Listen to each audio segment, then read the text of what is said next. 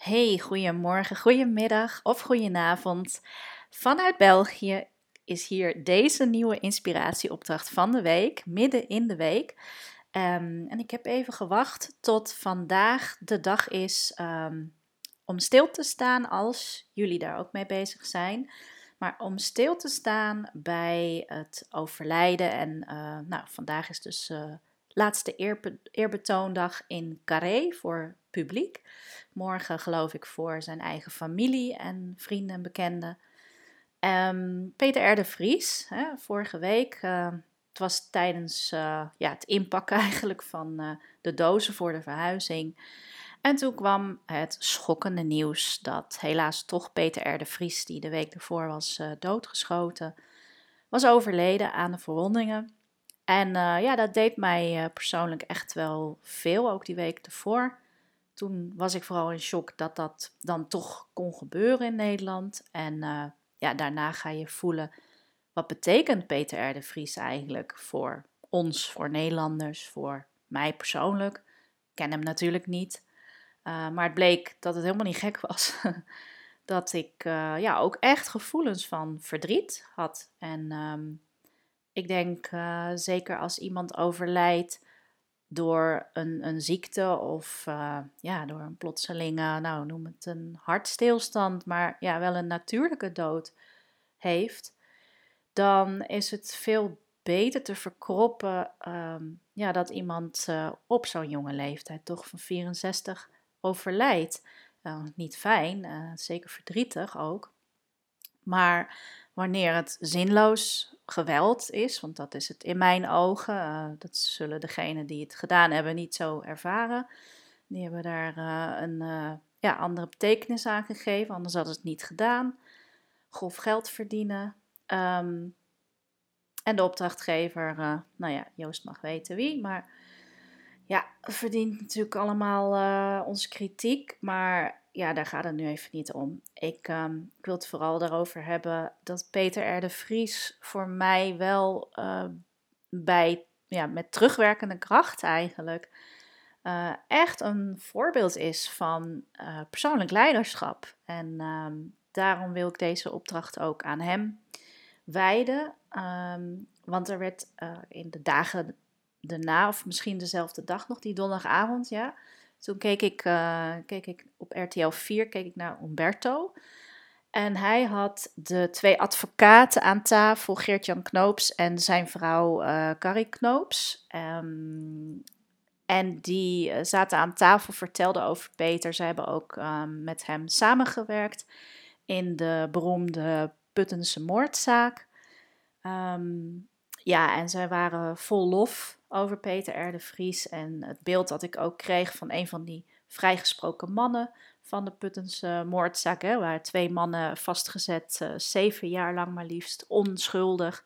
En Peter R. de Vries heeft er alles aan gedaan. Heeft jaren gekost wel, maar alles eraan gedaan om ze vrij te krijgen.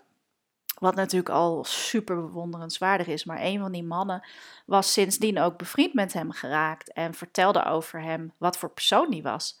Ja, ik ken hem natuurlijk al sinds de jaren 80, hè, is het denk ik. En vooral ook in de jaren 90 met zijn uh, programma uh, op televisie. En nou, nu de laatste jaren was hij ook constant in het nieuws, in de media. Ik, ik luisterde graag naar hem, want hij was heel authentiek voor mijn gevoel. En uh, ja, als je het hebt, hè, ik ben nu in België natuurlijk, maar als je het hebt over de Nederlandse directheid. Ja, jeetje, die man uh, zei gewoon echt alles wat hij, wat hij kon, uh, wat hij aan waarheid maar uh, in zich had, dat durfde hij uit te spreken. En dat vind ik zo bewonderenswaardig. Ik denk dat ik vroeger vooral een beeld van hem had van, ja, misschien ook mijn eigen oordeel over mensen die op televisie komen en in die zichtbaarheid willen zijn. Hè, hij dan als journalist wel. Maar dat ik dan toch denk, oh ja, er zit ook een stuk ego bij. Maar hey, hoor mij nu podcasten. Zichtbaarheid is nodig uh, als je invloed wil hebben, als je impact wil hebben en veel voor andere mensen wilt betekenen, dan moet je zichtbaar zijn. Dat is iets wat ik, wat ik pas de laatste tijd ben gaan begrijpen. Um, hij deed dat. Hij deed dat uh, volop. Hij durfde dat. En ehm, nou, wat ik ontzettend mooi vond, en daarmee wil ik het afsluiten. Ja, als je het hebt over persoonlijke verantwoordelijkheid nemen, persoonlijk leiderschap. Uh, die vrouw Carrie Knoops, de, de advocate, die zei zoiets moois. Want Humberto stelde de vraag van, oké, als het al, en dat vind ik zo'n mooie vraag oké, als, het, als er dan toch iets goeds uit moet komen uit deze gebeurtenis wat zou dat dan voor jou zijn? En zij zei: Ja, ik hoop echt van harte dat mensen ehm, een voorbeeld aan hem hebben en het navolgen van persoonlijke verantwoordelijkheid pakken daar waar het helemaal niet um, beloond wordt, maar iets voor anderen doen, iets betekenen, ze helpen zonder er iets voor terug te vragen. Want dat was Peter R. Vries voor haar. En vond ik zo mooi als ik ook die verhalen hoorde uh, van mensen die hem kenden en die, die hij heeft geholpen. Dat zijn er echt, nou ja, oh, ik weet niet, honderden of zo, ik weet het niet. Maar hij heeft zoveel mensen geholpen, dat, dat zie je nu pas.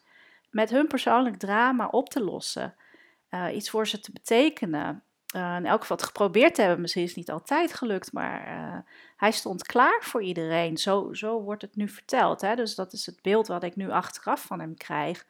Meer nog dan uh, wat ik zag van, natuurlijk ging hij voor rechtvaardigheid. En natuurlijk was het zijn werk, maar hij deed veel meer dan nodig was. Hij deed veel meer dan gevraagd werd. hij, deed, hij deed alles wat hij kon, zonder er iets voor terug te hoeven. Ja, dat vind ik echt mooi. Dus ehm, ik hoop dat inderdaad, als het dan ergens goed voor is, deze verdrietige gebeurtenis, het voorbeeld van Peter R. de Vries. En ja, voor mij is het ook echt die durf om de waarheid te, dur hè, te zeggen, om ervoor te staan. Wat je vindt, wat je doet. Ehm, en op te komen inderdaad voor het belang van mensen die zichzelf niet kunnen verdedigen of niet de middelen hebben om te bereiken wat jij wel kunt met jouw impact. Dat is het voor mij ook vooral. Uh, en dat altruïsme, ja, fantastisch. Ik vind het uh, heel bewonderenswaardig. Nou goed, het is een beetje een verdrietige deze keer, maar uh, dat mag ook. Dat hoort ook bij het leven, denk ik dan. Hey, um, ik wens jullie een heel, heel goede week weer. En tot de volgende. Hi, hi.